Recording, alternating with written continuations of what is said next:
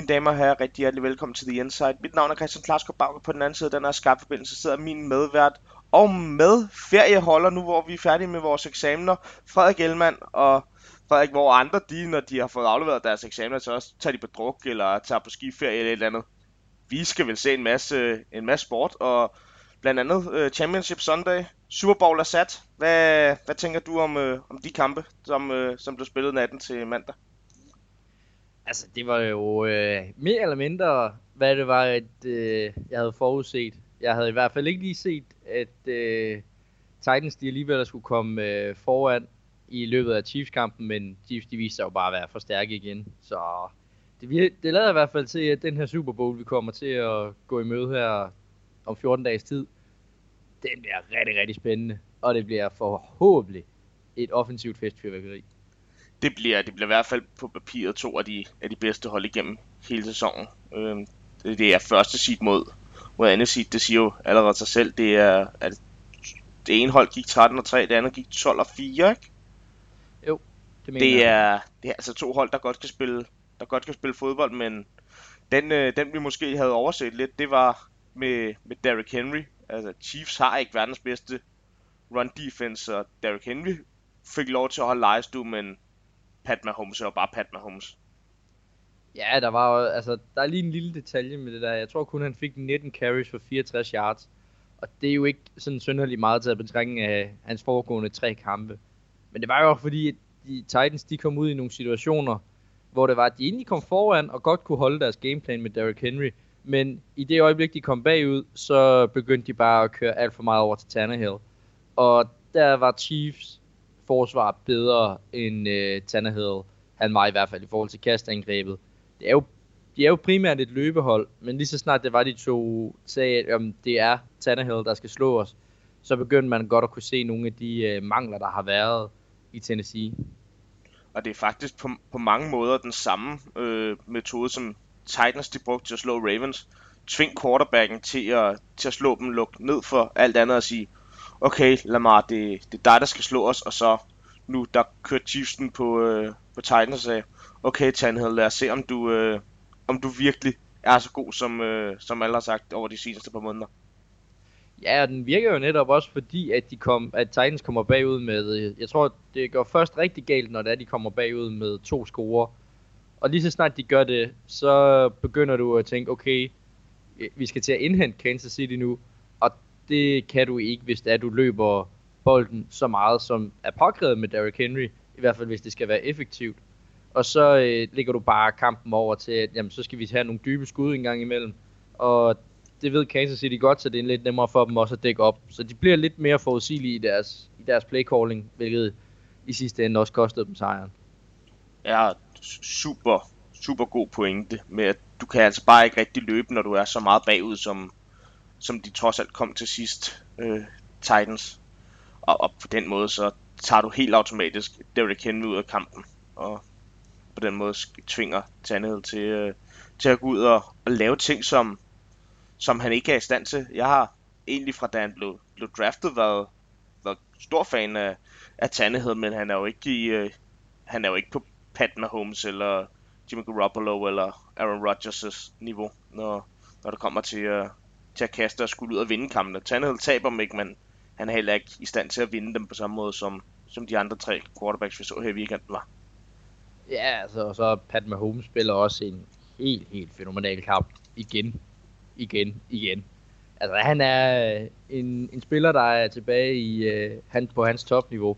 Så det, og det er jo bare endnu en grund til, at man skal se Super Bowl. Gør sig selv den tjeneste at få lov til at se Pat Mahomes. Vi, øh, er det en opfordring til, øh, til alle, der lytter med, at der er ikke nogen, der skal hverken på studie eller arbejde øh, mandag den 3. februar. De skal sidde, øh, sidde, op og, sidde op hele natten og se Super Bowl. Og det er lige en opfordring, du kom med der. Ja, det var det. Altså, det mandag den 3. februar, der øh, skal, det, det burde bare, dagen efter Super Bowl, det burde bare være en heldig dag, så øh, man kunne få lov til at holde fri med god samvittighed det, øh, det, det gør vi den dag, vi bliver verdenshersker. Så indfører vi simpelthen uh, dagen efter Super Bowl. Det bliver, det bliver international hele dag. Ja, det bliver en obligatorisk fridag for alle, som har set Super Bowl. Dem, der ikke har set Super Bowl, ja, de må tage på arbejde alligevel. de, de må tage på arbejde. De, du, skal, du skal simpelthen se Super Bowl for at have licens til at blive hjemme. Ja, og hvordan vi så får det administreret, det, administreret, det er der ikke nogen, der ved endnu. Det tager vi Ja, der er noget med et overvågningssamfund, så det skal nok kunne lade sig gøre. det er du fuldstændig ret i. Nå, ikke, øh, ikke desto mindre for, at det ikke skal gå over i at blive øh, politik og, og røverhistorie det hele, så øh, har vi jo som, som altid rundown, så vil du ikke have lov til at, til at følge traditionen og, og tage os igennem det? Jo, og vi tager først lige et lille hurtigt tilbageblik på øh, det her UFC-event, der har været her i, øh, vi, her i lørdags, hvor vi skal snakke om de kampe, som øh, der blev kæmpet, og samtidig også, hvorfor det var, at det her event det var pay-per-view. Så øh, skal vi have sammenlignet de to Super Bowl hold. Vi har sat nogle parametre op, som vi så øh, sammenligner dem for, hvem vi synes, der står stærkest, inden Super Bowl går i gang. Og så nok en af de helt store historier for Pelicans fans, det er øh, de NBA. Der kommer Zion Williams. Han kommer tilbage, højst sandsynligt mod Spurs natten til torsdag. Vi skal selvfølgelig snakke om, hvilken impact han kan have. Og så øh, skal vi have et lille debutelement.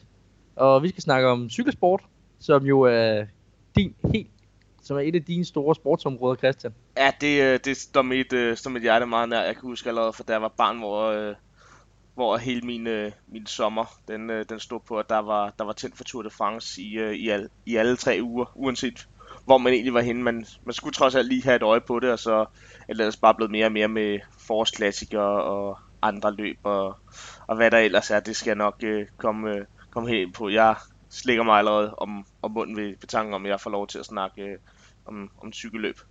Men øh, lad os øh, starte med at snakke om nogle, øh, nogle folk, der slår hårdt. I hvert fald en, der slår rigtig, rigtig hårdt her i, øh, her i weekenden. Conor McGregor slår øh, UFC-legenden øh, Donald Cowboy Cerrone på 40 sekunder af første runde 10 KO. Øh, der er vel ikke, øh, ikke andet at sige af overlegen sejr for McGregor. Han kommer tilbage i, øh, i stor stil og viser, at han har altså ikke tabt noget af at, af at være ude i, øh, i små halvandet år. Nej, der var ikke øh, den forventede ringrust, som jeg i hvert fald havde. Vi snakkede jo lidt om i sidste gang, at øh, jeg forventede, at der ville være lidt ringrust fra øh, McGregor. Det var der ikke skyggen af. Han, altså fra klokken start, så blæser han jo bare ud, og så sætter han bare Cowboy i en position, hvor det, er, det bliver rigtig, rigtig svært at gøre noget. Så altså, det var jo... Det var en hurtig kamp, men øh, det var også godt at se, at øh, McGregor han er, han er tilbage.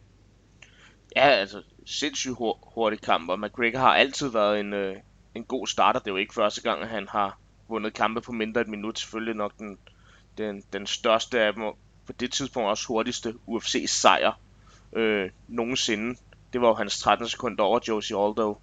Øhm, men og, Cowboy har indimellem tendens til at, at være en rigtig langsom starter, og det ser vi igen. Det var lidt det samme som vi så i, i, kampen mod, øh, mod Darren Till, han havde, hvor at han også er fuldstændig ude af stand til at komme ud af starttunnelen. Der har Tilsa ikke helt samme øh, killerinstinkt som, øh, som McGregor. Det tager også et par minutter for at få Cerrone ud af, ud af kampen, men kæmpe præstation for, øh, for McGregor, og øh, der er nogle, øh, der er nogle irer, der er, der, der er godt tilfredse med, med den sejr. Ja, han var i hvert fald også favorit blandt publikum, der var til stede. Altså, og det er jo lidt specielt, fordi det var jo i Las Vegas, og normalt når det er, at det er en øh, amerikaner over for en ikke-amerikaner, så plejer hjemmepublikummet altid at være med øh, amerikaneren. Men i det her tilfælde, da McGregor blev præsenteret, så var der jo stor, stor jubel inde i, øh, inde i arenaen. Og det, altså det giver ham jo selvfølgelig også lige lidt, øh, lidt selvtillid, The Notorious One. Men det, holy moly. Det er, han er altså også en publikumsfavorit. Det må man sige, altså. Øh, han kæmpede så også overraskende nok mod en af de andre største publikumsfavoritter overhovedet. Øh, Donald Cerrone er jo vanvittig All-American. Helt vildt blue collar. Altså han er jo sponsoreret Budweiser, han kommer kørende til, øh, til arenaen på sin, øh, på sin Harley. Hans søn hedder Danger Cerrone. Det er jo altså, helt fantastisk. Altså, han er så, så blue collar øh, American boy, som, øh, som du kan være, og også netop kæmpe publikumsfavorit. Altid klar til, uh, til en kamp. Uh, bortset lige fra mod, uh, mod McGregor. Der var han ikke klar. Ja, Nej, det var han ikke. Og det er måske også, øh, ja, tør man at sige, øh, begyndelsen på slutningen for Cerrone. Han har stødt ind i nogle nederlag nu her, som ja, hjælper ham i hvert fald ikke i forhold til at skulle komme op i en titelkamp. Så hvis det er, han ikke bare skal indtage en rolle som en person, hvor der man lige tester de nye up-and-coming, så skal han altså til at, at få nogle sejre igen. Skal, skal man til at tænke på, på Cowboy mere som, uh, som en gatekeeper, end som, uh, som en title contender? Jeg så en, en statistik med, at han har faktisk tabt samtlige main events, han har været undtagen den, han, uh, han havde mod Arquinza. Ja, altså, og det er jo nok desværre også det, der kommer til at være historien om Cowboy fremadrettet. Det når han har været i main event, så har det ikke øh, set lige så godt ud, som når det er, han har fået lov til at kæmpe som co-main event, for eksempel. Men ja, det kan godt være, at han, øh, at det her, det var hans øh, chance for at komme op og være en rigtig title contender, hvor han nu, kan man jo godt risikere og frygte, hvis man er Cowboy-fan, at øh, han, som du selv siger, bliver en gatekeeper. Men det er også noget af, noget af en gatekeeper, der altid er, er klar til, øh kamp. Han holder sig jo altid i, uh, i sindssyg uh, god form. Så hvis der er nogen andre, der, der falder ud af, af kampe med skader eller, eller noget andet, så kan man altid ringe til, til Cerrone, så kommer han kørende på, uh, på sin Harley. Ja, jeg redder dagen igen og igen. Det, det har vi set rigtig, rigtig mange gange, han, uh, han er klar til, uh, til at være replacement. Ja. Men hvad siger du, Christian? Den næste kamp, hvad, der har været lidt rygter om noget Masvidal eller noget Usman. Ja, altså jeg øh, håber og, og tror på, øh, på, at det bliver McGregor mod Masvidal. Det er den store øh, money-kamp lige nu for, vel egentlig for, for begge to.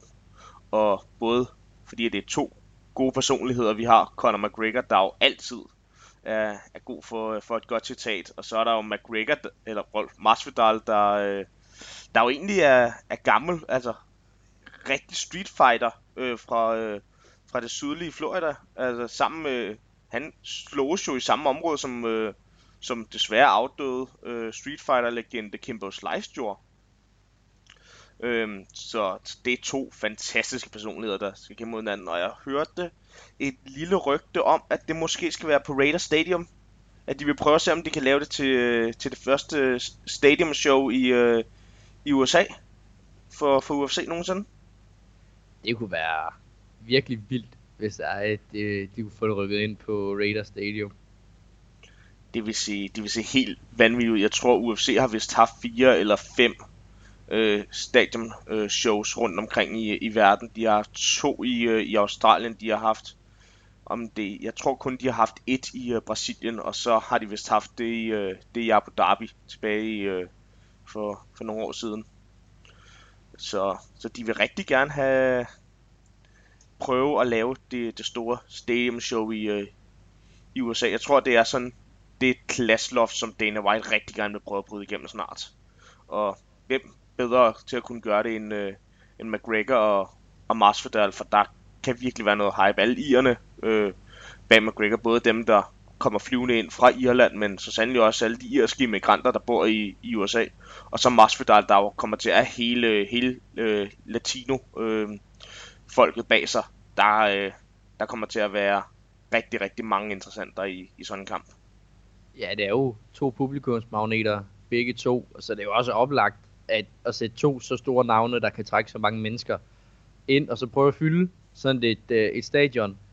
Altså, og det, det vil undre mig meget, hvis ikke at øh, en øh, McGregor mod øh, Masvidal ikke kan trække det. Det kommer så nok også an på, hvilke kampe man så vælger at, øh, at lægge op til, at, altså som co-main events og som andre kampe på main, på mainkartet. Så er det jo, det kommer også lidt an på, hvem det er, man så vælger at uh, sætte op mod hinanden. Men det kan jeg næsten kun forestille mig, at det bliver også nogle store kampe. Fordi det vil jo være kedeligt, hvis det er, at man så endelig kommer i gang og får et stadion-event. Og så at der ikke øh, er lige så mange, der møder op, som man gerne vil have haft. Også fordi at rygterne kommer til at gå på, lige nu på, at det bliver til International Fight Week lige omkring 4th of July. Hvor UFC historisk set altid sørger for at lave, øh, at lave store shows.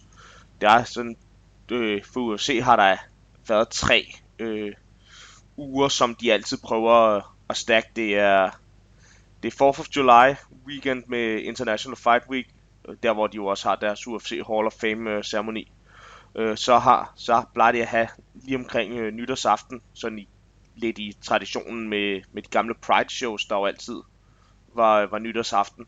Og så er de gået lidt væk fra det, men øh, tidligere der havde de altid øh, store, øh, store cards øh, på øh, Super Bowl weekend. Ja, det er jo, det er jo både nogle cards, som vi ikke, altså der er ikke lige kommet så mange. Jeg tror ikke, øh, jeg tror faktisk ikke, de holder sådan lige så stort card i år omkring Super Bowl weekend. Ej, jeg den, ved ikke, om du har hørt det der. Den er de vist øh, gået lidt væk fra, at det skal være det her blockbuster card, men de har, de har jo også øh, er det 45 events, de skal, de skal punge ud på, øh, på et år ifølge deres ESPN-aftale. Så de har jo en, en del at skulle lave. Det var noget andet i, øh, i gamle dage, skulle jeg til at sige, hvor, øh, hvor der var der et, øh, et pay-per-view om, øh, om måneden, og endnu før det et pay-per-view hver anden måned, og så var der ikke rigtig, øh, var der ikke rigtig andet. Så de kunne have større kampe, fordi at de ikke behøvede at sprede dem så meget ud. Nej, nu kommer du selv ind øh, på pay-per-view. Hvorfor var det egentlig, tror du, at øh, de valgte at sige, at øh, McGregor mod Cowboys skulle være en pay-per-view kamp?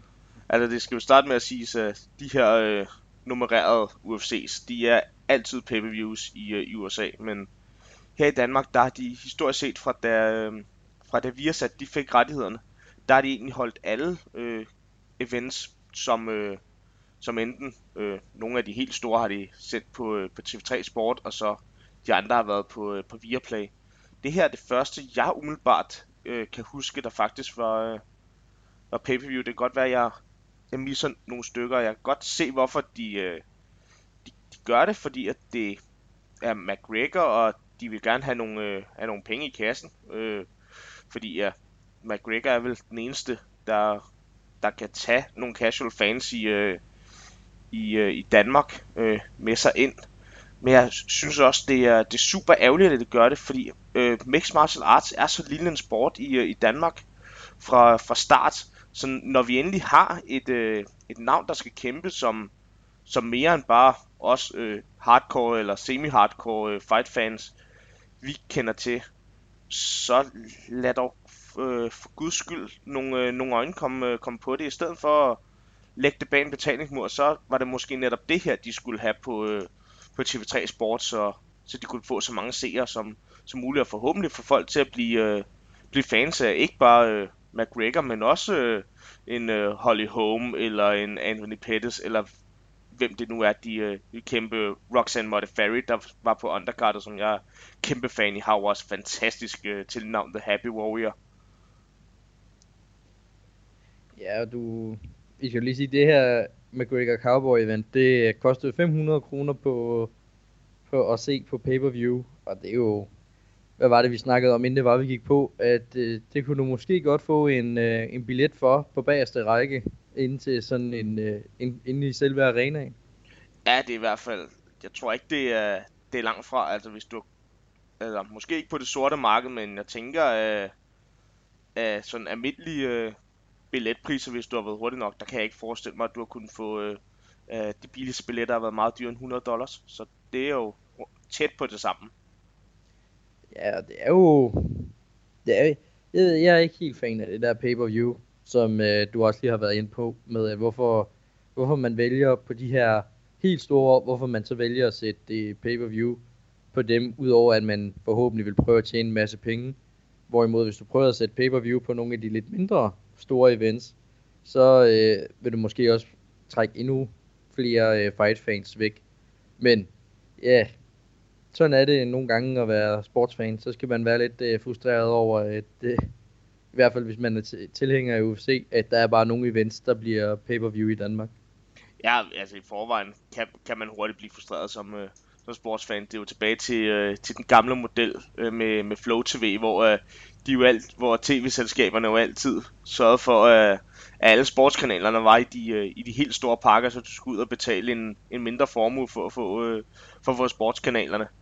Så, så det var jo altså, hele, hele pointen, at det er jo vil samme model, man, øh, man har til, til pay-per-view, og man tænker, okay, det her det er populært, lad os få nogle, øh, nogle ekstra øh, penge, øh, penge ud af det. Men der er jeg klart øh, større tilhænger af, at man skulle prøve at få nogle flere, flere øjne på produktet. Altså, fordi øh, at, altså, hvis, hvis I kan få nogle flere ser på det, så er der måske nogen, der også gerne vil komme tilbage, når, når, når McGregor ikke kæmper, og så kan I jo så på sigt også gøre det til pay hvis de bare får startet interessen i forvejen. Lige nu er det, øh, er der jo kun McGregor, altså for, for casual fans overhovedet. Der er ikke nogen Ronda Rousey længere.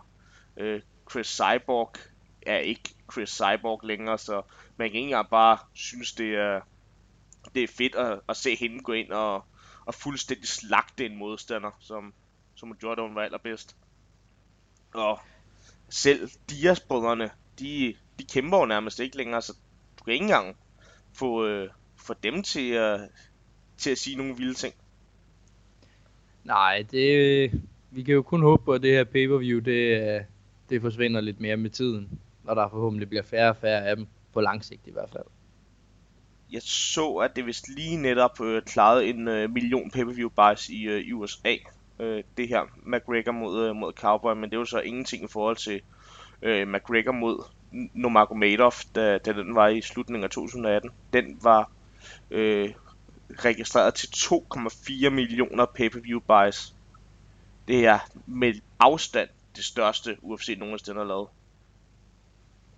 Det må man da sige, det er da også et, det er store, store tal.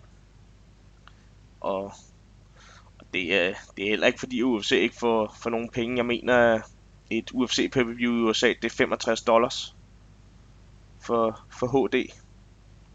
Og 65 dollar omregnet til danske kroner. Det er en 400 kroner ish. Ah, okay. Det er også en slags penge. Ja, ja, ja, de skal jo så betale det hver måned, så det er jo ikke fordi, at, at vi skal brokkes. Vi kan trods alt se det hele på, på Viaplay sammen med, sammen med en masse andet dejlig sport. Og rigtig godt noget af den anden dejlige sport, som, øh, som man kan se der, det er jo øh, NFL og amerikansk fodbold. Ja, vi, øh, vi arbejder med glidende overgang her. Ja, og heldigvis ikke er pay-per-view.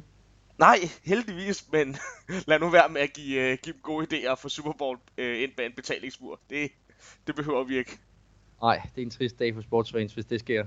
Ja, det næste, og så kan de fortsætte med at tage Champions League finalen, så tror jeg simpelthen, at jeg, øh, at jeg hopper ud, øh, ud fra en bro eller et eller andet, hvis, øh, hvis det sker.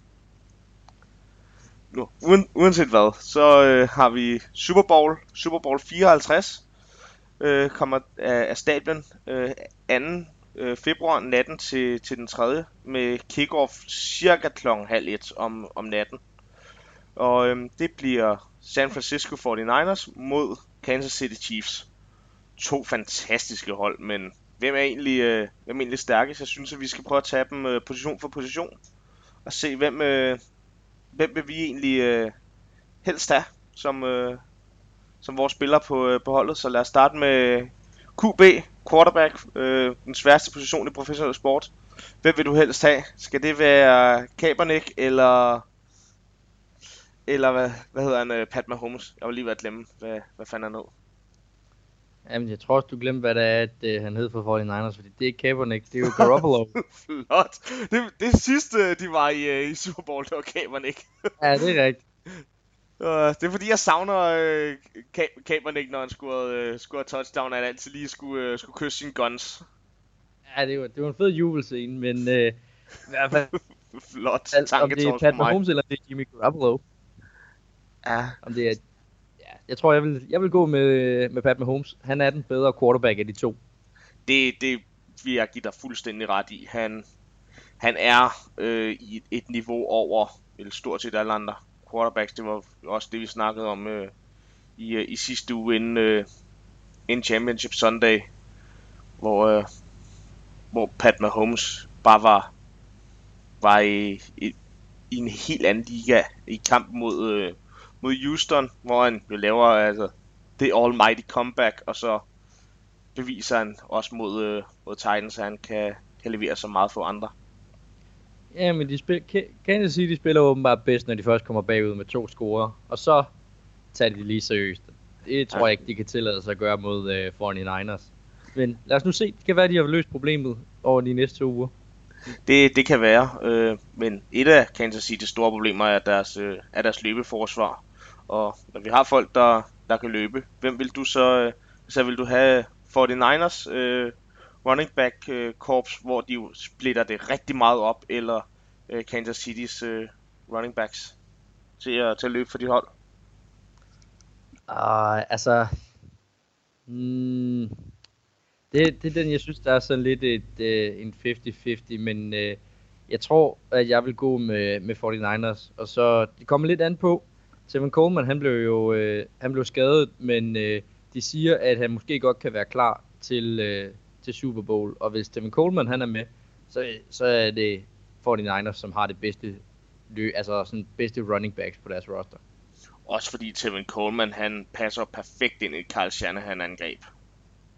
Ja, og Raheem Mostert, han, øh, ja, han kom op over 200 i løbeyards i hans kamp. Altså, han havde også en brandkamp, og han, kan, han er hurtig, og han kan løbe ned ad bakke.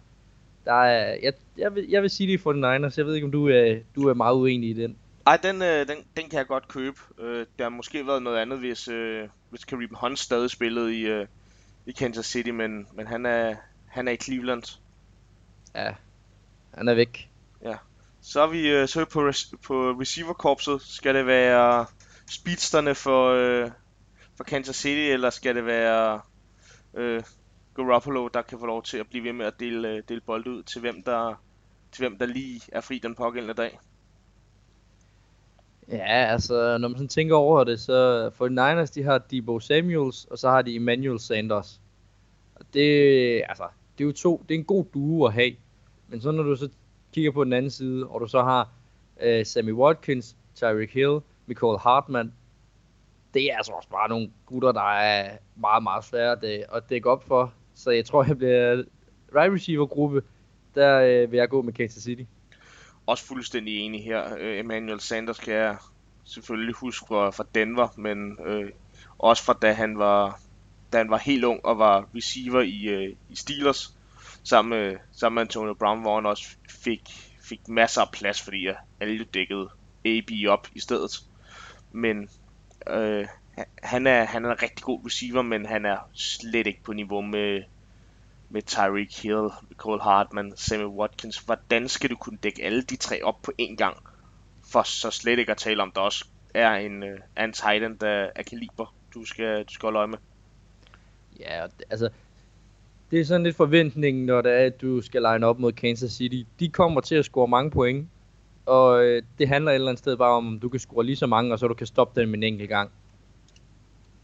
Ja, det, det er tilbage til den gamle øh, idé, når, når to offensive hold de møder hinanden. Hvem har bolden til sidst? Og kan afgøre kampen for, for dit hold. Ja. Men øh, tight end-mæssigt, hvem siger du? Kelsey eller Kittle? Jeg kan bedst lide, øh, lide Travis Kelsey, når det kommer til, til det. George Kittle er jo også en gudsbenået tight end. En fantastisk blocker, en super sikre hænder, rigtig god route runner. Men Kelsey har det, det, som du bare ikke kan træne, og det er size. Han er, han er større end, uh, end Kittle, han ser også en smule stærkere ud, han er fuldstændig umulig at matche op med. Der var en grund til, at, kalde, at man kaldte ham Mini Gronkowski for, uh, for et par sæsoner siden, lige da han, da han slog igennem, hvor, uh, hvor Gronk jo var der, men uh, nu vil jeg få den påstand, det, det skulle lige før, han er bedre end, end Gronk på hans bedste dag. Ja, og og der er det nok også den position, hvor begge hold er meget lige, hvad det angår. Der er ikke langt fra Kittle til Kelsey, eller fra Kelsey til Kittle, alt efter hvordan er, man vælger at vægte de to. Der er ikke meget imellem dem. Er du, kan, du, øh, kan du stå inden for, for Travis Kelsey, eller jeg ved, du har lidt, uh, lidt en forkærlighed for, for George Kittle? Ja, det, altså, det, det er også mest fordi, hvis du tænker, hvis man tænker på det, så Kelsey passer ekstremt godt ind i det, Kansas City gerne vil, og Kittle passer ekstremt godt ind i det, 49ers gerne vil.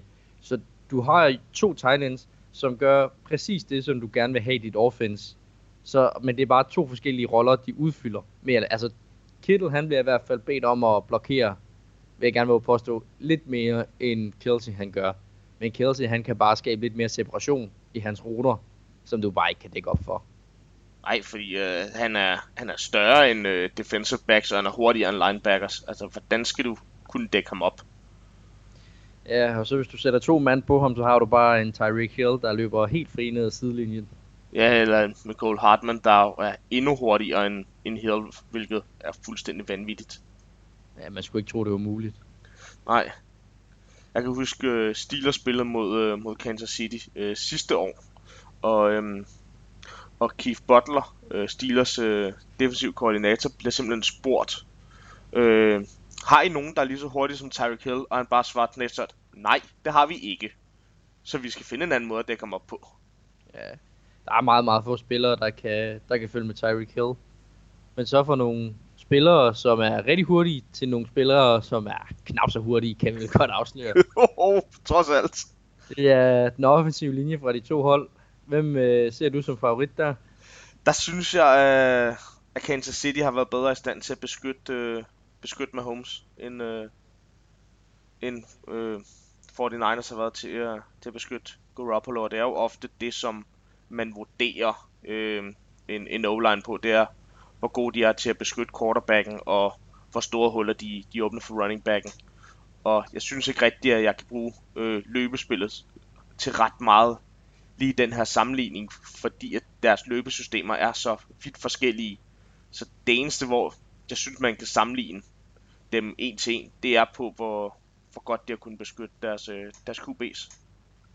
Jamen, den øh, vurdering er jeg enig i. Og netop også, som du siger, altså run blocking. Øh, 49ers, de kører nogle, forskellige, jeg tror, de har tre forskellige run blocking pakker, hvor de kører en masse forskellige spil ud fra. Der er jo også, men det er jo også to forskellige. Kansas City vil gerne kaste bolden mere, end de vil løbe den. Hvorimod at 49ers, de ser helst, at jamen, kan vi løbe den, så gør vi det gerne. Præcis, og, og især med, med den måde, som Carl Shanahan gerne vil løbe, det er rigtig meget med, med, med mismatch og misdirection og finde det åbne frem for, hvis man skal tage den helt diametrale modsætning. Det var Titans løbespil, der bare var, nu løber vi ned ad banen og løber jeg simpelthen bare over. Mm. Så, men for dem, der, der kan løbe og der kan øh, hjælpe dig med at løbe og beskytte din quarterback, til dem, der skal stoppe dit løb og slagte din, øh, din quarterback.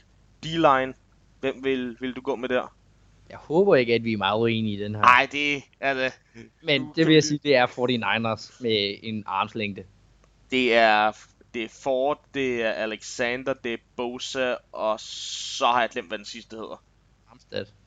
Tak. Det er jo en... Samtlige af dem er jo første rundevalg. Ja, og det er jo en sindssyg, uh, sindssyg D-line, de, uh, de, de er kørende der. Og altså, jeg har ingen idé om, hvordan uh, uh, Pat Mahomes skal, skal kunne vide sig sikker. Han skal være i stand til at kunne slippe bolden hurtigt, hvis, uh, hvis de ikke bare skal kunne slå om, slå om til plukfisk i løbet af, af 60 minutter. Ja, eller lade ham rulle ud. Ja, ja fordi det, de, er jo, de er jo gode til at lukke øh, quarterbacken inden også. Det er ikke, øh, selv når de ikke får fat på ham, de giver ham ikke, øh, de giver ham ikke plads. Nej, og det er en ekstremt disciplineret defensiv linje, der er god til at holde deres contain. Så jeg tror, det, det, det er 49ers klart største styrke. Det er, øh, det er deres D-line. Den er skræmmende, og den har ødelagt så mange spil, før de overhovedet, før de overhovedet er kommet i gang. Helt enig. Så går vi, øh, så går vi et skridt ned af, af forsvaret til, til linebackers. Og vi snakkede lidt om, inden vi, øh, vi startede, det er måske her, hvor begge hold vel egentlig er, er svagest. Ja, de har ikke sådan... Jo, altså når du kommer til Super Bowl, så har du jo altid en, en i hvert fald en god linebackergruppe. Det har du generelt på samtlige positioner, når du kommer til Super Bowl. Der er ikke sådan de helt store svagheder, men for begge hold, så øh, linebackers, de er ikke øh, lige det stærkeste. Altså, det er ikke den bedste linebackergruppe i ligaen, men jeg tror alligevel, at jeg vil sige, at øh, nu når 49ers de har fået Alexander tilbage, så står de nok i min bog lidt stærkere end Kansas City. Ja, den kan, den kan jeg godt følge. Kansas City er heller ikke øh, det samme linebacker-korps, som, som de var for, for år tilbage, hvor øh, Justin Houston øh, jo var fuldstændig, altså her der alle vejen. Det, jeg synes ikke rigtigt, man kan genkende det øh, Kansas City forsvar, men det siger jo også rigtig meget om Kansas Citys hold, at det er utrolig offensivt drevet, og måske så også har den bedste øh, offensiv coach øh, nogensinde i, øh, i Andy Reid, øh, som jeg må personligt indrømme, at jeg synes, at han har fortjent en Super Bowl snart, Andy Reid. Jamen, det har han også. Bestemt. Og han har jo kun haft et skud, hvor han så også tabt i den ene Super Bowl, han har været i. Men nu vil jeg sige, nu står han med, øh, med rigtig, rigtig gode muligheder for at snuppe en. Men det er aldrig nemt at vinde den sidste kamp i en NFL-sæson, fordi det er to hold, der møder hinanden, der er i hvert fald retfærdigt set nok de bedste over en hel sæson. Det er det, må man, øh, må man sige, at lige med de her to, der er det svært at argumentere for, at de ikke har fortjent at komme i, at komme i Super Bowl. Øh, der er andre sæsoner, hvor man tænker, hvor kom det der hold lige fra, men her der er det to hold, der har været gennemført hele vejen igennem. Øh, Chiefs var lige nede i, i en periode, men det var da, da Mahomes var, var småskadet, og øh, Garoppolo har, har jo også bare vist, at, at det, var, det var den rigtige beslutning for, for 49ers at hive ham ud af, af Belichicks system. Ja, så få en relativt billig sum penge. I ja. form af både, draft, i form af både øh, draft, men også spillere, de skulle sende den anden vej. Det er, de var, det var også et mærkeligt tidspunkt, hvor øh, Patriots gjorde det. Men det kan være til en helt anden episode, hvor vi dykker ned i den historie. Men ja. defensive back, Christian, hvem har den i bedste? Og igen, den er, den er svær, men jeg synes faktisk, at jeg vil give den til, til Kansas City her. Og selvfølgelig med, med den efterhånden legendariske øh, safety Daniel Sørensen fra, fra Brande, som, øh, som, som spiller på, på holdet. Selvfølgelig er der, er der jo amerikaner, der hedder Daniel Sørensen, men det, det kan ikke være anderledes, når du har sådan et navn, så, så skal det jo nærmest udtales dansk på samme måde som øh, at Brian Hoyer hurtigt blev, blev kendt i, i dansk NFL som Brian Hoyer. Ja, det er klart. Ja, ah, jeg vil faktisk sige, at øh, 49ers, de har en lidt bedre defensiv backgruppe, altså i Sherman, og så øh, har de jo godt nok Witherspoon, som er blevet backup, efter det var, at han blev brændt på to drives i streg for touchdowns mod, øh, ah, hvem var det nu? Var det, var det Vikings, de mødte 49ers? Ja, det var det. Ja. Der blev han skiftet ud, og så var det, jeg tror han hedder Mosley, ham der kom ind i stedet for. Og han har bare været bedre, så de har to gode corner, og så har de også øh, nogle gode, altså, så selvfølgelig safety-mæssigt, der er Mathieu fra øh, Kansas City bedre, men jeg vil sige, det er jo også sådan en lidt ligesom deres tight end gruppe. Den er 50-50, hvem man giver den til. Ja, det, der har ikke nogen øh, af de øh, defensive back grupper, som jeg ikke gerne vil have på, på Richard Sherman kan jeg godt være en smule nervøs for, øh, hvordan han skal, han skal kunne dække, øh, hvad enten det så Tyreek Hill eller McCall Hartman op, som han nok kommer til. Fordi ja, Sherman har jo altid øh, sagt, at han kan dække enhver receiver op en til en og tage ham ud af kampen. Jeg er ikke sikker på, at han kan holde trit med, med speedsterne for, for Kansas City i løbet af 60 minutter, men, men jeg har taget fejl før, når det kommer til, til NFL, så måske igen, jeg, jeg, jeg kan godt give den til 49ers, hvis, øh, hvis det er det. Ja, men vi så jo også mod Green Bay Packers, at han netop blev brændt en enkelt gang. Jeg er med på, at det kun skete én gang. Men øh, der var han lige to, en yard bagefter øh, det var til Adams. Så det er altså en af måderne, hvorpå at han kan få stoppet Tyreek Hill, det er bare at få bombet ham op ved line of scrimmage, og så sats på, at det er nok til at bryde timing, og han ikke kan bryde fri, og så har han safety over toppen. Ja, han skal, han skal være fysisk. Det er generelt den eneste måde, du kan stoppe de receiver for, for Kansas City i første omgang, det er ved at være bundhammerne fysisk mod dem på, på line of scrimmage, hvor, øh, hvor du må være, lave kontakt, og Sherman har jo lært det af de bedste, når det kommer til det her, som bærende kraft på The Legion of Boom. Det er mere eller mindre legendariske Seahawks forsvar, som, som fandt en Super Bowl og reelt set skulle have vundet en til. Ja, hvis det ikke var så dårligt playkald på et yard linje. Ja, den skal, vi, øh, den skal vi lade være med at komme ind på, fordi jeg, øh, jeg mener jo ikke, at det er et, øh, et dårligt playkald for, for Pete Carroll. Det er et underligt et af slagsen, men det er jo ganske enkelt bundhammer dårligt udført af, af Russell Wilson. Hvis han kan se Tyler Lockett, som jeg mener der, så kan han altså også se Malcolm Butler. Ja, men jeg tror, du har ret i, det er, det er en helt anden episode, som vi kan dykke ned i en anden dag. Ja. så øh, lad os gå fra en øh, fantastisk amerikansk sport til, til en anden. The Age of Zion er, er endelig kommet, kommet til, eller det regner vi i hvert fald med. Øh, natten til, til torsdag, der spiller New Orleans Pelicans mod San Antonio Spurs, og det er der, hvor man regner med, at Zion Williamson, øh, første overall valg fra, fra årets draft i, øh, i NBA, han får sin, øh, sin NBA-debut. Et kæmpe navn, og vil egentlig den, det største rookie-navn ud til, øh, til at komme ind i NBA siden LeBron James. Øh, så altså, jeg ved, at du har en, en forkærlighed for, for Pelicans, og det er her, hvor det bliver rigtig sjovt, fordi jeg har en forkærlighed for San Antonio Spurs. Så, øhm, så det, bliver, det bliver en kamp, vi nok begge to skal, skal holde øje med. Den bliver sendt på, øh, på dansk tv. Øh, øh TV, TV2 Sport øh, har, har kampen. Så, det er ikke, så man har ingen undskyldning for, for ikke at se den enten, enten live, eller, eller så i hvert fald on demand øh, dagen efter. Ja, lige præcis. Og det er jo, jeg glæder mig meget til at se Zion, og se, hvad han er for en størrelse, fordi som du også har været En stor størrelse. Ja, og han har været meget hyped inden sæsonen, og han er jo så desværre, hvis man ikke lige har fået fulgt med i det, så blev han jo opereret i knæet inden sæsonen gik i gang, så det er først nu her, at han er ved at være klar til at spille igen. Min største bekymring det er, om han kommer tilbage for tidligt, og det så ender med, at det bliver, at skaden hopper op igen. Jeg tror, de har givet ham øh, god tid, for det var vist en relativt lille øh, meniskeskade, han, øh, han havde, og så har de jo holdt ham ude i ja, de første tre, nærmest, nærmest øh, fire måneder af sæsonen.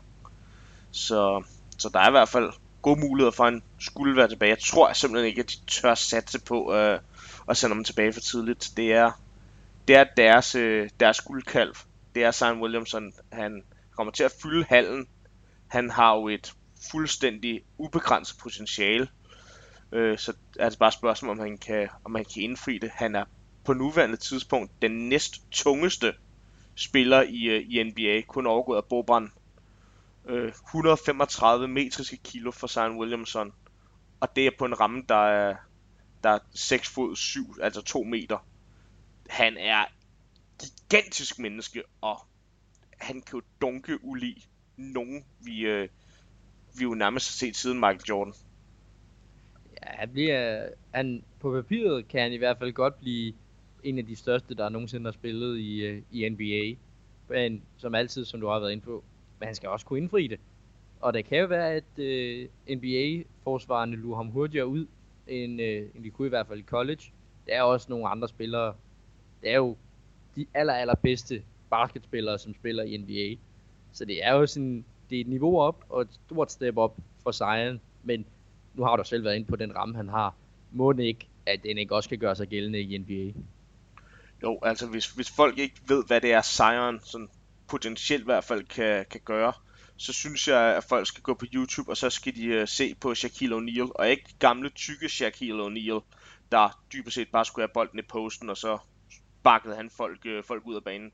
Nej, ung, atletisk Shaquille O'Neal, mand, der også dunkede folk i hovedet, og du kunne løbe rundt på hele banen. Stadigvæk også gigantisk menneske, men det var, da han, øh, da han kunne bevæge sig. Og sejren har meget af det samme, i hvert fald fysiske, fysiske ting, så, øh, så, spørg, så må man håbe, at han kan skyde bedre træer, end, eller ikke bedre træer, men bedre, bedre straffekast, end Shaquille O'Neal nogensinde, øh, nogensinde kunne, for han kommer til at blive fejlet rigtig, rigtig meget. Ja, det, altså, Shaq han fik jo også øh, tilnavnet, øh, jeg tror det var noget i retning af Hacker Shaq, eller sådan et eller andet, hvor det var, at man bare gik op, og så fejlede man Shaq med vilje, og så fordi han ikke kunne skyde straffekast, så scorede han max 1 point, og så fik du bolden igen i de døende, i de døende minutter af en kamp. Så det var jo nærmest en helt taktik. Det tror jeg ikke, du kan gøre med sejren til gengæld. Og hvis man kan lige nu, så er der, så er der en trænerstab i, i Pelicans, der bare skal, skal sige til ham, nu bliver du altså en time efter træning hver eneste dag, og så skyder du bare straffekast, indtil du lærer det.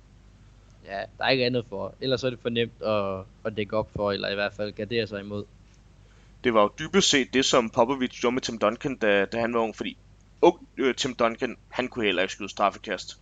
Øh, så han blev aldrig nogensinde nogen, øh, nogen skarpskytte, men han, han blev god nok til, at du i hvert fald ikke kunne, øh, kunne have ham i, øh, i stykker til, til sidste kampe. Ja, det er ikke, skal jeg være hurtig at sige, det er ikke min, min favoritmåde, at NBA bliver spillet på. For mig er det lidt en, lidt en fejl i, øh, i spillet, med at man bare kan gå op, og så sejle den, øh, den værste straffekastskytte. Men det er en del af spillet, og det er en del af reglerne, men det er bare ikke synderligt kønt at se på. Nej, nej, det, det er det der, hvor man tænker, det har ikke noget med, med basket at gøre, og sådan, netop som du siger, det, det står i reglerne, det er bare sindssygt ærgerligt, at, at tætte kampe, de skal, de skal afgøres på, på den måde, i stedet for, det, øh, det kommer til at være atleterne, der, der får lov til at, til at vise, hvem det er, der er bedst. Ja, fordi ho, altså, det er bare ikke særlig kønt at se nogen, der bevidst går op og laver en fejl, og det er jo typisk dem, som er lidt langt nede på rosteren, som går op og laver fejlene, fordi de ikke har særlig mange fejl i løbet af en kamp, og derfor ikke er far for at blive smidt ud. Der bare går op og laver en klokkeklar fejl, så ser man en stor mand, der ikke kan finde ud af at skyde straffekast, brænde to styks, og så får de bolden tilbage. Og så øh, det andet hold gør mere eller mindre også det samme. Det er ikke en særlig køn måde, at de tætte kampe kan blive afsluttet på, og det er nok heller ikke det, de tætte kampe, de, øh, de skal afgøres på. Nej, for, forhåbentlig ikke. Øhm, så for, for at holde den lidt på, øh, på Simon Williamson, sådan, hvor stor en stjerne er han allerede nu, før han overhovedet har taget sit, øh, sit første NBA-play. Altså han, han var jo en kæmpe stjerne allerede fra, fra high school med, at alle hans highlight-videoer blev lavet til YouTube og Instagram og hvad der ellers er af sociale medier. Man kan godt høre, at jeg er allerede ved at være for gammel til at følge med på de sociale medier. Jeg kender til Facebook og Twitter og Instagram, og that's about it. Øh, men er han, oppe, øh, er han oppe i nærheden af LeBron James, allerede før han overhovedet har spillet, eller Giannis Antetokounmpo, James Harden, øh, Luka Doncic? Hvor, øh, hvor vil du sådan placere ham øh, i, øh, i NBA stjerner? Fordi der er jo ingen tvivl om, han er et, et, et kæmpe navn allerede, men, men hvor kæmpe kommer, kommer han til at være for, for både Pelicans, men så sandelig også for NBA det hele taget? Jamen, han bliver fremtidens flagskib for NBA. Altså det er ham, de skal sælge NBA på i fremtiden. I hvert fald hvis du spørger mig. Allerede, som du har været inde på, inden det var, han kom ind. Han har jo lidt eller et LeBron James navn, da det var, at han kom ind i ligaen. Så han kan, ja, ja, han kan blive rigtig, rigtig stor, og allerede nu er han jo en, en stor stjerne, som kan sælge haller ud, bare på grund af navn, og han har ikke engang spillet en eneste kamp i NBA nu. Så det er altså, han, øh, han er en stor stjerne allerede nu, som, ja, det kan næsten kun gå ned ad bakke for ham, men det kan selvfølgelig også godt gå opad, men på nuværende tidspunkt, der har man så sat så mange forventninger op til ham, at det næsten, ja, det kan godt gå hen og blive, øh, der, det er nemmere at falde, end det er at stige, lad mig sige det sådan. Lidt på samme måde, som det vel egentlig var med, med Yao Ming, da han kom ind, hvor han jo også var altså noget, man aldrig nogensinde har set før, men og, og især til, til et helt nyt marked på det tidspunkt, som, som Kina, jo, Kina jo virkelig var. Men han kunne heller ikke holde, holde det, øh, det niveau, der led op til, til hypen, og især hans, altså, hans skadeshistorik er jo en, som, som meget, meget få mennesker har lyst til at, til at gennemleve. Ja, han er jo, ja, altså han var jo en god spiller, Yao Ming, men det er jo også det her igen, de her store og høje mennesker, de kan altså også godt nemt komme til skade, hvis de lander forkert. Der er mange kilo, der skal lande ned, hvis der er et sejren, han øh, ja, kommer til at lande forkert på hans hoved. Så de, de kan godt gå i stykker. Vi håber ikke, de går i stykker for alt i verden. Men øh, det er... Det, det, Sejren han kommer i hvert fald ind med noget, man ikke har set før i NBA. Så det er et spørgsmål om øh, NBA stadigvæk er, er en for stor en platform til, at han kan lave lige så mange af de college highlights, som øh, han jo allerede har lavet, og som han kan blive ved at bygge videre på sit spil og det er jo nok princippet det vigtigste, det er, at han kan blive ved med at udvikle sig. Og altså, han, han, er, han er nærmest allerede for, for stort et navn til, til at spille. Er Han så også øh, et, et, øh, et godt nok navn til at, til at kunne få, øh, for Pelicans i, øh, i playoffs allerede i, i den her sæson, eller skal de egentlig bare tage det, tage det helt roligt og så give ham, øh, give ham lidt minutter, hisse lidt minutter her, bare egentlig for at lade folk de, de kommer i halen, og så kan, kan de egentlig være ligeglade med, med sæsonen. Det kommer an på, hvordan de spiller mod Spurs. Hvis det er, at han kommer ud, og han bare er en kæmpe stjerne, og han scorer masser af point, og får de rebounds og så videre, og assist, og ja, du, hvis han laver en god statline, så, øh, så kan han jo godt, i hvert fald, kunne man godt argumentere for, at han godt kan få dem i playoff. Men hvis det er, han kommer ud, ser lidt shaky ud, så kan det godt være, at øh, Pelicans de vælger at sige, okay, så kan det godt være, at vi lige lader ham glide lige så stille ind i NBA, og så spare ham lidt på nogle minutter. Men det er jo de her store spørgsmålstegn, som der bliver besvaret mod øh, Spurs. Ja, altså, og hvilken øh, øh, træner i hvert fald, der skulle starte sin NBA-karriere mod, altså legendariske Greg Popovich, som, øh, som er Spurs træner, som jo egentlig spiller hver eneste kamp for at komme til på all-time win-listen øh, som, øh, som træner. Han øh, kan med lidt god vilje øh, komme derop ved, øh, ved en god sæson her og en god sæson næste år. Øh, Coach Pop, så sejren mod, øh, ja, jeg skulle til at sige, historien kommer jo nærmest til at være sejren mod Popovic, også selvom det ikke er Popovic, der, der spiller, men Monique han er i stand til at få, øh, få is- især en Lamarcus Aldridge til at, til at kunne dække sejren i hvert fald nogenlunde op. Ja, han er, Popovic han er en rigtig god defensiv coach. Altså han øh, har jo nogle stykker nogle gode forsvar sammen i hans øh, levetid. Så det er også det, altså kan, der er mange af de her spørgsmål, som vi sidder med nu, som vi glæder os til at få besvaret, når de to hold møder hinanden. Og det bliver, det bliver altså natten til, til torsdag. Noget, noget andet, der også kører om natten, det er så fra den anden side af, af verden. Det er fra, det er fra Australien. Der er vi endelig kommet i gang med, med 2020 sæson. Jeg var lige ved at sige 2019 igen. Øhm, I 2020 sæsonen af, af øh, professionel cykel, cykelsport øh, på, øh, på landevejen. Og det er noget, der står mig rigtig, rigtig nært. Jeg, som nævnte i starten af programmet, synes, øh, synes at cykelløb er rigtig sjovt og har, har set det fra, fra da jeg var, fra da jeg var barn startende med Tour de France, og så stille og roligt blevet mere og mere øh, interesseret i, øh, i det. Lige nu, der er de i gang med, med Tour Down Under øh, på, på dansk film, man kalder det Australien rundt, med seks etapper, hvor øh, at det hele slutter på øh, en, øh, en fast tradition i, i det løb, øh, Velonca Hill, som ikke er et bjerg, man ville, øh, man ville sammenligne med noget som helst, de kører i, øh, i Frankrig eller Italien eller Spanien, i, i de helt store cykelløb, men, men stadigvæk er garant for, øh, for super god, øh, god spænding, og så er det jo en måde, hvorpå man kan nyde lidt, øh, lidt noget godt vejr ved at se, ved at se Australien rundt, i stedet for at det er 6 grader herhjemme og, og blæsende og, og regnfuldt dernede, der er det, der er det altså bare højt flot sol, og så kan man drømme sig lidt til, tilbage til noget sommer samtidig med at, med at se nogle, øh, nogle grænvoksne mænd, der, der kører på cykel i 1.500 km. Ja, du, i år har det jo været ekstremt varmt nede i Australien. Ved du om nogen af alle de her bushfires, har det øh, påvirket øh, turen, de skal til at køre nu her? Øh, nej, for det er en anden del af Australien. Det er noget omkring Adelaide, de, øh, de kører tur down under. Og der har de vist ikke øh, de store problemer med, med det nu. Australien er jo et gigantisk land, og min australske geografi er ikke helt så god, som den måske burde være. Men så vidt jeg lige ved, så er de rimelig, rimelig fri for de, øh, for de store øh, skovbrænde. Jamen, det, det er også helt rigtigt. Jeg vidste ikke lige helt, hvor det var, de skulle, de skulle cykle hen dernede. Det er jo ikke nogen... Øh, vi kan lige så godt med kortene på bordet. Du, jeg har ikke den samme øh, cykelentusiasme, som du har. Men øh, derfor skal cykelsporten ikke negligeres. Så, øh, men i hvert fald, i forhold til det her øh, Tour Down Under, der er vel også, som du siger, lidt nogle andre fysiske krav. Det er jo typisk meget varmt i Australien i forhold til øh, ja, nogle af de her andre store cykelruter, som der kommer i løbet af cykelkalenderen, som vi kommer ind på lidt senere. Og jo, helt sikkert, der er også øh, den, en, en kæmpe øh, problematik, hvad angår øh, tidsforskel. Rigtig mange øh, cykelrytter, også øh, folk fra Australien eller øh, USA, de, øh, de har som regel base i Europa, fordi de fleste store cykelløb nu engang er i Europa, Frankrig, Spanien, Italien, Belgien, Holland.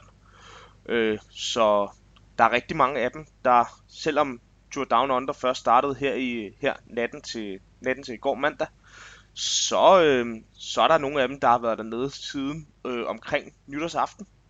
Både for at vende sig til varme, men også for at vende sig til, øh, til tidsforskellen. Og, og fordi det er øh, starten på, øh, på cykelkalenderen, øh, det eneste, der har været indtil da, er, er et par nationale mesterskaber i, øh, i Australien.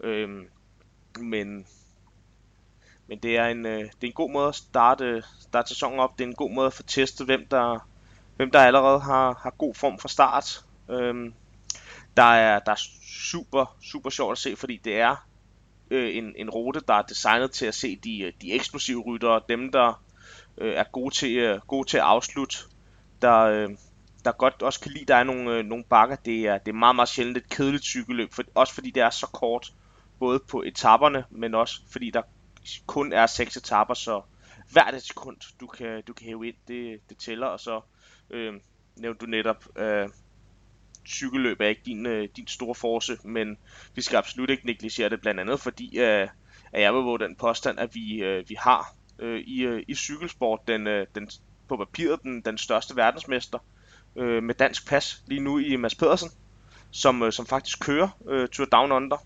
Nok mest som, øh, som hjælperytter for, øh, for Richie Port, som er, er hans holds kaptajn i, øh, i det her løb, som er blevet øh, nummer to fire gange og vundet øh, kongeetappen på øh, Valonga Hill øh, de sidste seks år i, øh, i streg. Han kender den bakke fuldstændig ud og ind. Men super sjovt at, at kunne se øh, Mads Pedersen i, øh, i, i regnbuetrøjen, som, øh, som verdensmesteren er forundt, og så øh, kan man også øh, blive lidt, øh, lidt nostalgisk og lidt patriotisk, fordi øh, danske Michael Mørko stiller, stiller også op, og det gør han som, øh, som dansk mester, hvilket betyder, at han kører i, øh, i en trøje, der er et stort dannebrogsflag. Så han er også super nem at genkende på, øh, på, øh, på tv-billederne. Og ja, du, du, nu er jeg fuldstændig slukket, øh, slukket for dig, eller hvad? Nej, jeg venter bare ja. på, at du lige kommer med... Der, jeg ved jo godt, der er lidt flere danskere med, men øh, jeg synes, Nå, skal til at introducere dem. Du vil også gerne have lige øh, de sidste to danskere, jamen der så lige ja. for, for fuldført, øh, det må hedde en kvartet, når der er fire. Det, øh, det er Mikkel Bjerg, der er tidligere øh, øh, enkeltstart til Superstjerne. Øh, fantastisk enkeltstartsrytter. Øh, der er en, ikke, ikke nogen enkeltstart på, øh, hvad hedder det, Tour Down Under-ruten, men øh, så han kommer nok primært til at skulle, øh, hjælpe rytter, men det er hans første år på, øh, på den helt store scene, så han skal nok egentlig bare ud og samle noget erfaring. Og så øh, Asbjørn Kram Andersen, hvor øh, hvis øh, cykelfans kender øh, efternavnet, så giver det meget god mening, fordi han er bror til Søren Krav Andersen, som har gjort det helt fantastisk over de, øh, de sidste par sæsoner. Hans, øh, hans bror Asbjørn har, har været lidt mere i, øh, i skyggen af ham, men er nu også kommet op på, på World Touren og, og på den måde har en, har en chance for, for at vise sig frem. Der kommer nok ikke til at være det helt store for, øh, for danskerne. Den, den, der nok kommer til at gøre det bedste, sådan i hvert fald tv-mæssigt, og, og skille sig ud, det kommer nok til at være en Michael Mørko, der, der kommer til at være en del af elite out for, for det kørende Quicksteps øh, sprinter Sam Bennett. Ja, altså nu, nu nævner du nogle af de navne. Mørko kan jeg da i hvert fald godt genkende til. Han har da også været med på øh, i Tour de France, som nok er det cykelløb, hvis jeg endelig får set noget cykelløb, er det, som jeg føler, føler med i. Og altså, Tour de France, så lad os da gå videre til øh, en, der har vundet Tour de France, men, øh, men jo har fået taget sin, øh, sin sejr fra, her, fra sig på grund af, af doping. Det er Bjørn Ries, han er tilbage på, øh, på topniveau som øh, sportslig direktør øh, for, for Team NTT. Det der sidste sæson hed Team Dimension Data. Det er hvis folk ikke er vant til, til at cykelløb, så er alle holdene jo øh, øh, sponsoreret af forskellige firmaer og har egentlig firmanavn. Det skal man lige vende sig til, øh, at fra sæson til sæson, så kan, så kan nogle af holdene skifte navne og, og, og ikke mindst trøjer. Det er, det er noget anderledes, end hvad vi ser fra, fra fodbold og, og basketball og hvad der, hvad der ellers er, hvor det jo er, hvor det, det er det samme igen år efter år. Men øh, Bjarne Ries tilbage på, øh, på topniveau. Det har han ikke øh, været siden, øh, siden hans, øh, hans eget hold. Det der jo hed, øh, startede med at være øh, Team CRC, der folk de for alvor kendte det, og så til Team Saxo Bank, og så solgte han det til, øh, til den lettere, ekscentriske russer Oleg Tinkov, hvor, øh, hvor det så begyndte at, at gå lidt ned ad bakken, men Bjørn Ries, han har jo tidligere skabt verdens største cykelhold. Det var timen til at se det, det var allerbedst med Carlos Sastre, Ivan Barso, slægtbrødrene Fabian Cancellara, Jens Fuchs, Stuart O'Grady, uh, you name it. Uh, selvfølgelig også med, med danskere som Jakob Fuglsang, Chris Anker Sørensen, som, uh, som de fleste kender Chris Anker Sørensen, der er, nu er kommentator på TV2. Um, øhm, og Jakob Fuglsang, der øh, er kaptajn på, øh, på Astana. Så øh, Bjarne Ries tilbage på, øh, på topniveau. Øh, spændende at se. Han har ikke, øh, han har slet ikke samme midler til, øh, til at lave et, øh, et af de allerbedste hold øh, nu, som han havde, øh, som han havde tidligere, men det dermed ikke sagt, at han ikke har nogle, øh, nogle rigtig spændende ryttere. Han har øh, Michael Valgren, som nok også er et af de navne, som, som du kender, kender lidt til på, ja. på navnebasis. Ja, øh, navnet er der kendt. Havde en fantastisk sæson for to år siden, hvor han vinder øh, både Strati Bianchi og Omloop Hedusblad i, øh, i løbet af foråret. Der var en, og Amstel Gold Race, der var han virkelig bringer sig ind i, i eliten af, af klassikerryttere. Sidste sæson, der var han syg og skadet det meste af sæsonen, og, og hele vejen igennem ude af form. Så forhåbentlig øh, kommer Valgren tilbage på, øh, på det niveau, som han havde for to, for to år siden. Han kommer til at være klassikerkaptajnen for, øh, for NTT. Det kommer til at være ham, de skal køre for i, øh, i hvert fald Ardenner-klassikerne, Amstel Gold Race, eller øh, øh Flex Vallon og Liège Bastogne Liège, og måske også Brostens-klassikerne, øh, Flandern rundt og, og Paris-Roubaix.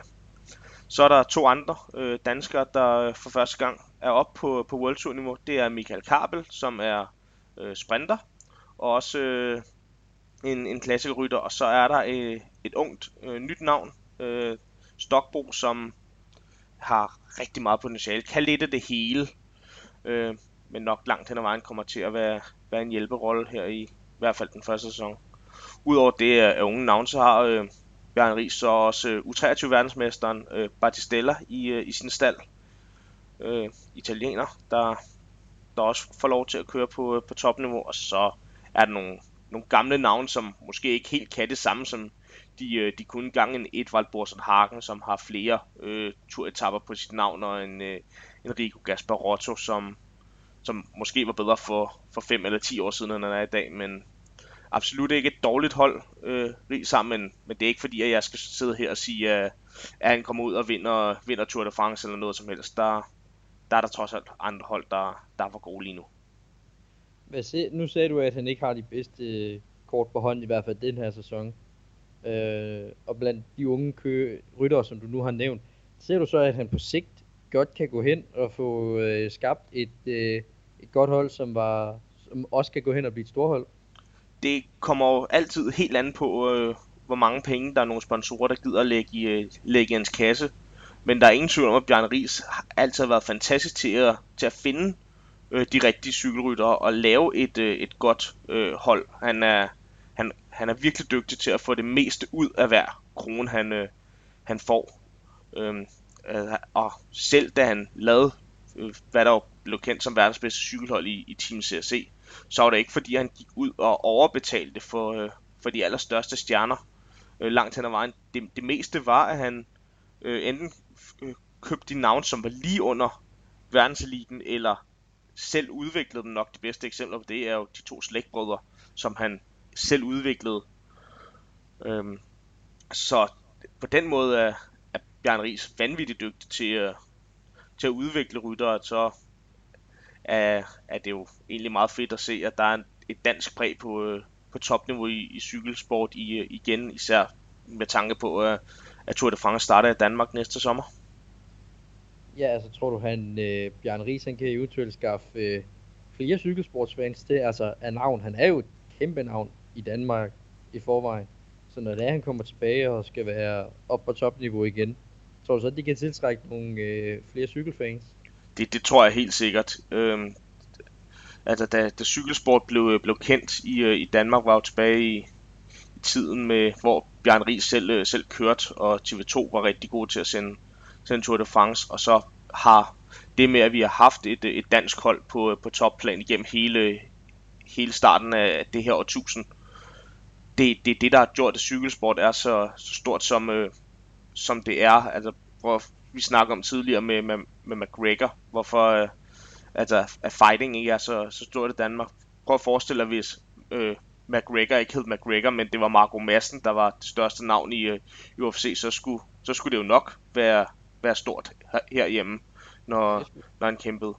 Så at, at Bjørn Ries er, øh, er tilbage på topniveau, jeg tror, det, det gør, øh, at igen, at der er flere casual fans, der kommer til at, til, øh, til at se det, og, og især med, med altså en Tour de France, øh, der starter i Danmark, så kommer der så kommer rigtig mange historier til at handle om, om Bjarne Ries, hvilket øh, måske kan være lidt trættende, når man, når man ser rigtig meget øh, af, en, af en sport at, at se, øh, se historier, der ikke nødvendigvis handler om det, der sker inde på banen eller, eller landevejen, men for, øh, for dem, der er mere øh, pæfærdigt interesseret, der er det, der er det vanvittigt sundt for, for dansk cykelsport, at, at Bjørn Ries er inde. Ja, hvis, altså, han øh, jeg kan jo også huske nu, når du nævner det med Team øh, Saxo Bank, og så er de også blevet til Tinkoff. Altså, man hørte meget mere omkring cykelsport i danske medier, når det er, at Bjarne Ries han er med ind over et hold. Fordi der er mange, der kender navnet. Mange, der kender Bjarne Ries på den ene eller den anden måde, men nok også mest for at have vundet turen, som ja, han så desværre, som vi allerede har været inde på.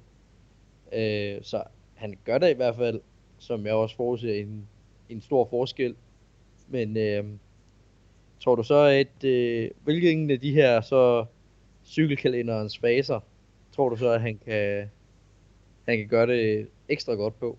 Ja, det, det, det er sådan, som jeg lige, øh, lige skrev det op, bare for, for at opsummere, hvad det er, du, øh, du mener. Det er, jeg delt, jeg mentalt har jeg altid delt øh, cykelkalenderen op i, øh, i, i seks øh, perioder, og, og her øh, startende med, med de første par måneder, hvor, øh, hvor det er rigtig mange løb i, øh, i Australien og Emiraterne, og det sydlige Spanien og Portugal, hvor øh, rytterne de kører sig i form.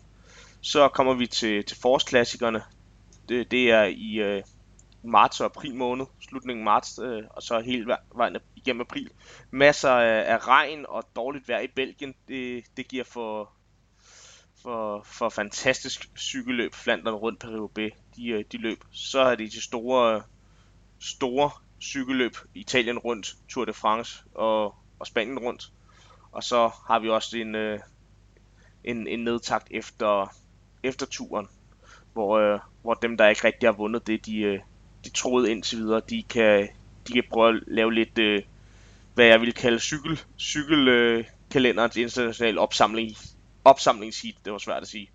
Der hvor jeg tror, øh, at Bjørn Rises hold kommer til at gøre det bedst, det er klart under forårsklassikerne, netop på grund af Michael Valgren. Øh, han kommer til at være kaptajn der. Han har vist, at han kan køre op med de allerbedste. Øh, nogle, af de, nogle af de andre navne, der, der er på holdet, kommer også til at gøre det godt. Øh, netop danske Michael Kabel, der er oppe på, på niveau rigtig stor dreng. Godt, øh, godt rustet til også at køre i, i dårligt vejr og, og brosten. Øh, Edvard Borsen Hagen, der godt nok måske er ved at nærme sig sidste salgsdato, men han kan stadigvæk køre, når, øh, når det er dårligt vejr.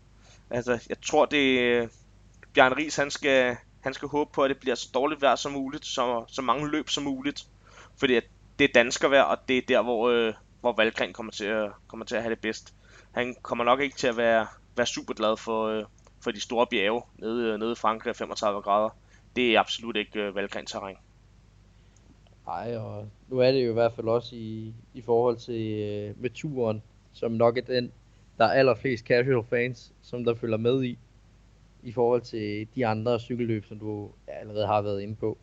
Men øh, det er i hvert fald, man, nu vil jeg i hvert fald godt våge den påstand at sige, at man er klædt godt på til både Bjørn Rises hold, og så også den her øh, Tour Down Under, som de skal til at køre nu her jeg, jeg håber i hvert fald, at jeg har gjort mit, og det ikke blev, øh, blev alt for, for forvirrende eller alt for fragmenteret. Jeg, øh, jeg er kæmpe fan af, af cykelsport, og synes jo også, det er, det er dejligt at have en sport, hvor, øh, hvor alting ikke går så, så vanvittigt hurtigt hele tiden, som det trods alt gør i, i både amerikansk fodbold og basketball her. Der, der kan man altså godt øh, tage, sig en, tage sig en morfor under en Tour de France etape, fordi øh, at den kan, den kan tage nogle timer, men så der sker, der sker også noget, man skal bare man skal vide lidt mere om, hvad det er, man kigger efter frem for i, øh, i en NBA-kamp, hvor der kan man altid blive imponeret over, over highlights og store dunk. Ja, der er altid noget at kigge på. Men øh, så tror jeg også, at vi øh, er kommet igennem, hvad, hvad vi vil egentlig øh, skulle i den her uge.